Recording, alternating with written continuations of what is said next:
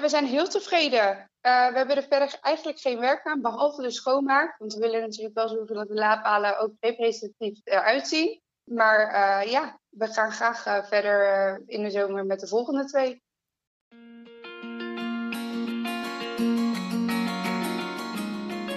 Van harte welkom bij Zakelijk Ontmoeten, een podcast voor de meetingwereld, gepresenteerd door worldmeetings.com.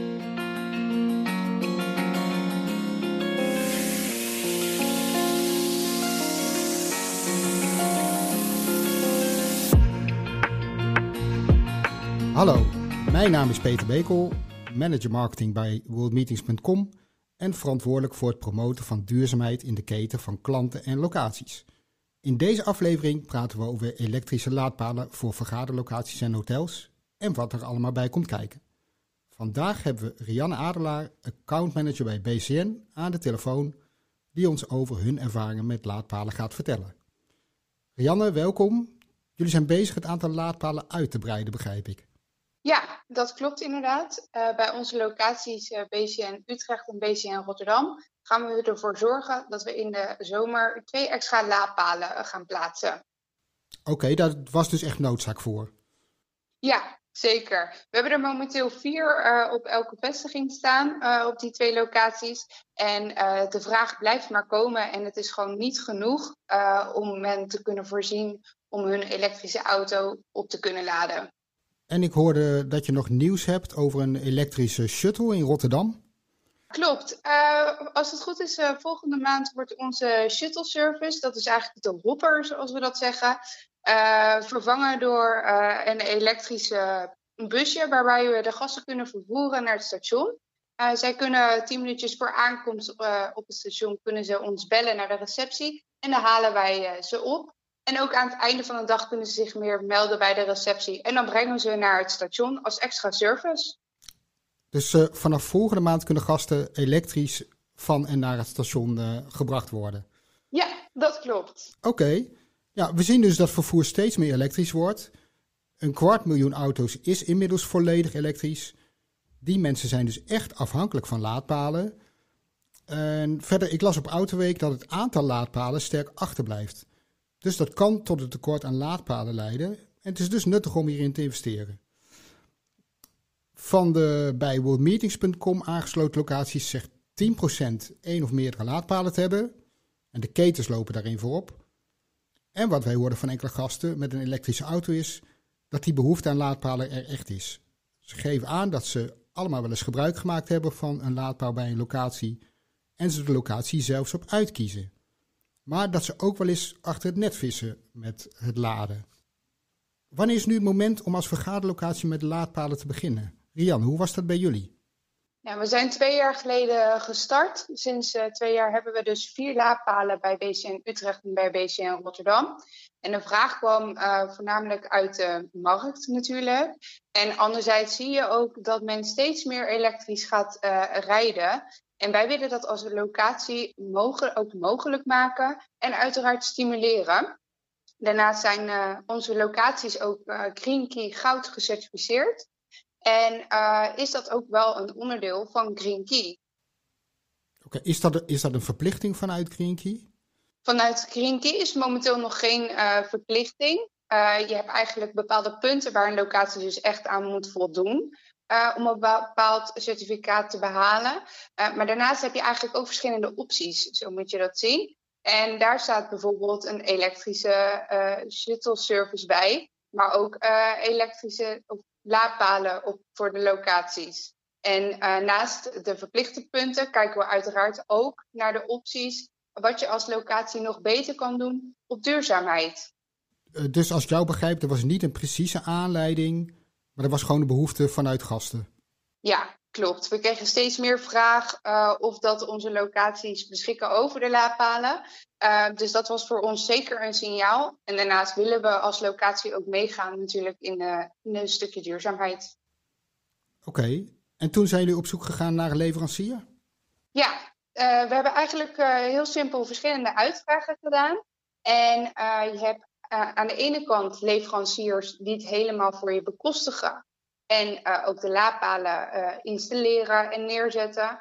Ehm, maar daarin zit wel een ander kantelpunt aan, dat het namelijk eigenlijk een soort van publieke laadpalen wordt. Je kan het terrein dus niet afsluiten, het moet open blijven. Dus die leveranciers die waren voor ons al eigenlijk niet meer van toepassing, omdat wij toch de mogelijkheid willen hebben om ons eigen terrein af te sluiten indien nodig. Um, en daarnaast heb je de andere leveranciers. Um, en die hebben een presentatie bij ons gegeven voor de directie. En uiteindelijk zijn wij in zee gegaan met uh, New Motion. En hebben dus gekozen om het in eigen beheer te doen. Uh, New Motion is een onderdeel van Shell. En zij hebben ook een portal wat uh, zicht, inzichtelijk is voor het management. Zodat ze kunnen zien hoeveel palen er bezet zijn, hoeveel kilowatt er geladen is per uur, et cetera. Je hebt dus verschillen. Je kunt eigenlijk in eigen beheer nemen, zoals jullie hebben gedaan. Of je kunt zeggen van, uh, nou ja, plaats de laadpalen neer, zet die op het terrein en dan zijn ze eigenlijk nog steeds het eigendom van de leverancier. Het nadeel daarvan is dus dat je bijvoorbeeld je terrein niet kunt afsluiten. Ja, dus die leveranciers vielen voor ons in eerste instantie al gelijk af. En zodoende hebben we andere leveranciers uh, benaderd om het, uh, waarbij we de mogelijkheid hadden om het in eigen beheer te doen. Oké. Nou, er komen natuurlijk allerlei dingen kijken bij de aanschaf van laadpalen. Hoe pak je het aan? Hoe verloopt de implementatie? Wat zijn ervaringen van gasten? En hoe zit het met de kosten? Uh, ja, om met die aanpak te beginnen. Hoe bepaalden jullie hoeveel laadpalen jullie nodig hadden? Ja, dat hebben we eigenlijk gedaan op basis van inschatting. Uh, we hebben wel rekening gehouden dat er uh, wellicht nog meer vraag zou komen. Dus we hebben in Utrecht uh, alvast twee extra kabels neergelegd um, tijdens het graafwerk. En zodoende scheelt dat voor een aankomende zomer weer werk bij deze locatie. maar het is echt op basis van inschatting geweest, twee jaar terug. Ja, want je zegt deze zomer scheelt het extra werk. Dus jullie hebben weer nieuwe laadpalen nodig. Zeker. Je merkt het nog steeds meer. En zeker met het oog op, uh, dat las ik ergens in 2030, ook geen auto's meer op de markt mogen komen met fossiele brandstoffen. Uh, ja, moeten we ook, uh, denk ik, als locatie gaan kijken hoe we dat allemaal kunnen faciliteren en men ook kunnen stimuleren om elektrisch te rijden. Dus ja, ik denk dat de vraag alleen maar meer wordt de komende jaren. Ja, dat, dat, dat denk ik ook. Maar wat jij nu even zei over die extra kabels. Want dat is dus wel slim om, om te doen. Want wat als je dat niet hebt gedaan? Het heeft voornamelijk te maken eigenlijk met het graafwerk. Uh, het graafwerk is heel erg op basis van hoe ver is de laadpaal, zeg maar, waar wordt die geïnstalleerd en de afstand naar de meterkast. Want daar wordt uiteindelijk natuurlijk de stroomvoorziening van afgetapt, om het zo maar te zeggen. En als je dat al voorbereidt, zoals we dat in Utrecht hebben gedaan, door al twee extra kabels neer te leggen, dan bespaart dat gewoon enige werk en enige kosten aankomende zomer voor de twee extra laadpalen. Anders dan moet het weer opengebroken worden om nu weer uh, de twee extra kabels uh, neer te leggen onder de grond. En het aantal laadpalen wat je kunt neerzetten, is dat in principe onbeperkt of zit daar een toch nog een limiet aan? Nee, er zit momenteel nog een limiet aan. En daarin ben ik ook heel erg zoekende wat uh, de toekomst ons daarin gaat brengen. want het zit namelijk zo dat wij als eerste de locatie voorzien van stroom zodat onze keuken, maar ook bijvoorbeeld het internet steeds werkt voor alle gasten die binnen in, in ons pand zijn. Uh, en eigenlijk de stroom wat overblijft, dat wordt gestuurd naar de laadpalen. En die laadpalen, die verdelen het ook nog eens een keer onderling. Dus hoe meer laadpalen je neer gaat zetten, hoe minder stroom daarheen kan gaan. En hoe langer het dus zal duren voordat een auto volledig is opgeladen. Dus je hebt zeg maar een soort basispakket aan stroom. Ja, dat heeft je pand gewoon nodig. Dat wordt gereserveerd voor het pand. En aansluitend of aanvullend, de stroom die overblijft, die kan dan naar de laadpalen. En de laadpalen verdeelt het dus ook nog eens een keer uh, onderling. Dus het is heel erg afhankelijk van uh, de totale stroomvoorziening die een locatie beschikbaar heeft. En daar hebben we gewoon de prioriteit natuurlijk als eerste de locatie. En dan pas de laadpalen. Dus we kunnen helaas niet oneindig uh, veel laadpalen neerzetten bij het pand en maar blijven uitbreiden. Maar goed, ja, er zullen waarschijnlijk meer locaties tegenaan lopen. Uh, dus ik ben ook benieuwd hoe dat in de toekomst uh, verder wordt gefaciliteerd. Duidelijk. Welk soort laadpalen hebben jullie trouwens? We hebben uh, de normale laadpalen, dus geen snel laadpaal. Dat heeft er ook mee te maken dat uh, daar ook natuurlijk meer stroomvoorziening voor nodig is. Er moet meer stroom naar de laadpalen uiteindelijk gaan.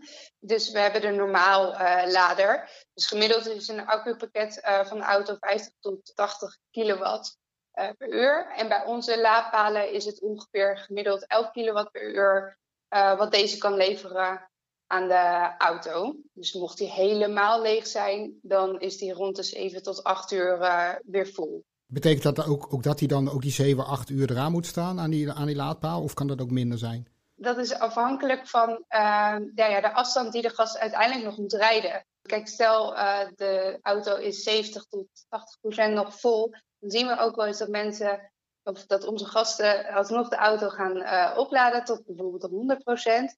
Dat is een advies wat ik niet wil geven. En ook gewoon goed te kijken aan de gebruiker hoeveel heeft iemand nou daadwerkelijk nodig? Um, want we lopen daar als locatie uh, tegenaan. Ja, ja, want dat laatste stukje laden duurt volgens mij ook, uh, duurt volgens mij ook heel lang. Veel langer dan het eerste stuk. Volgens mij wel, ja. Dan nog even uh, dan over de implementatie. Tegen welke hobbels liepen jullie aan? Nou, niet zozeer uh, hobbels, maar we hebben het dus wel, zoals we dat nu ook hebben gedaan, uh, echt gepland in de zomer. Toen de uh, kabels werden gelegd bij BCN Utrecht, daar is ook ons kantoor gevestigd. Twee jaar terug, toen kon ik een dag ook even niet op kantoor werken, omdat een bepaald dagdeel de stroom eraf ging. Dus wij plannen het zo in de zomer, dat weet iedereen. Het opleidingsland is dan gewoon wat rustiger dat we gewoon heel weinig tot geen bezetting hebben op locatie, zodat er zo min mogelijk hinder is naar onze gasten toe. Ja, dat is goed om te weten. Ik, ook voor andere locaties, denk ik. Met name locaties die 24-7 gasten hebben. Dat dat wel iets is om ook mee rekening te houden. Zeker. Ik bedoel, uiteindelijk wil je uh, natuurlijk meegaan in een stukje duurzaamheid. Maar uh, anderzijds ook de installatie zo min mogelijk. Dat de gasten zo min mogelijk uh, hinder daarvan hebben. Dus wij plannen, zoals nu ook weer aankomende zomer, pas weer om uh, de twee extra palen uh, te installeren. En, en dat graafwerk, was dat nog veel hinder voor gasten?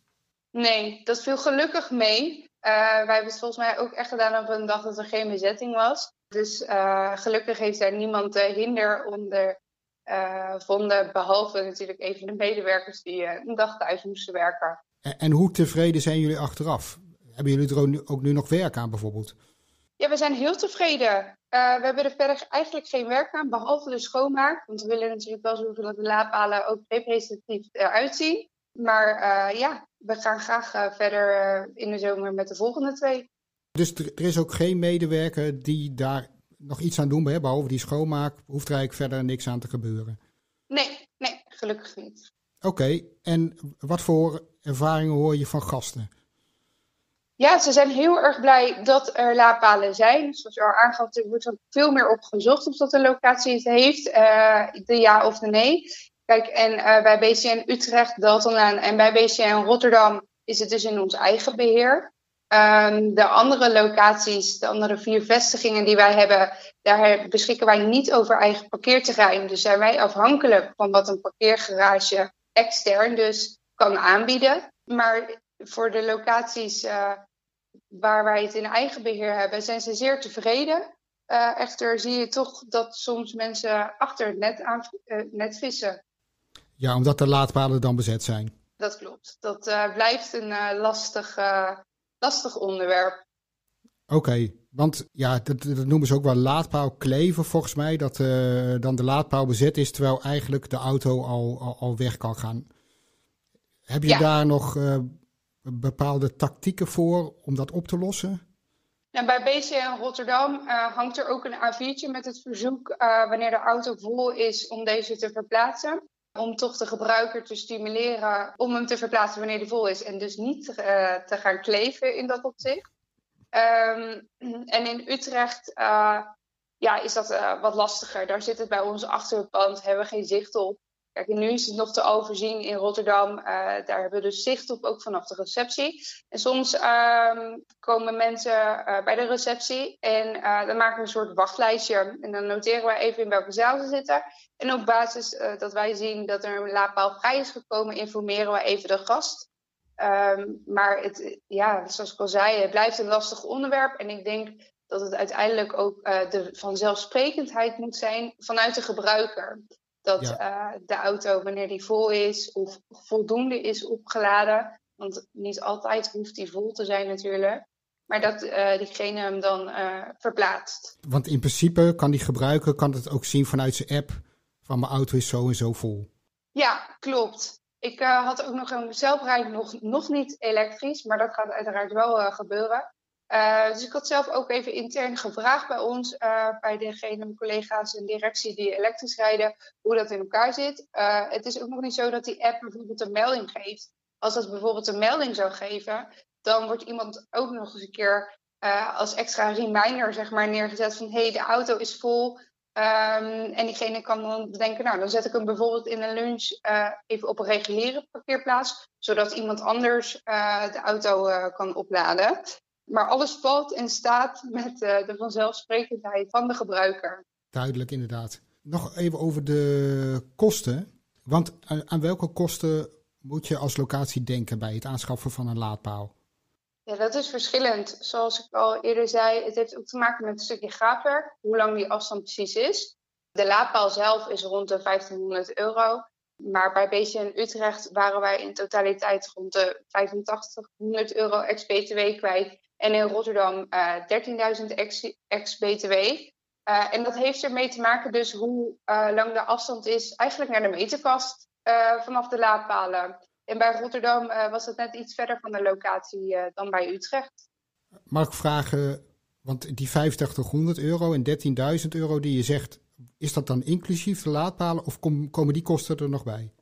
Nee, dat is inclusief de laadpalen. Oké, okay. En nu dus, nu je ze met twee gaat uitbreiden, dan is het eigenlijk twee keer die 1500, dus 3000 wat er dan bij komt, vermoed ik? Dat klopt inderdaad, omdat we dus al dat uh, gaafwerk hebben gedaan ligt dat daar ook nog arbeidskosten natuurlijk bij komen. Maar uh, om het te installeren, maar dat bedrag uh, zou ongeveer wel zo zijn. Oké, okay, nou heel duidelijk. Ehm, is het trouwens ook nog mogelijk om subsidie te krijgen op, het op de aanschaf van die laadpalen?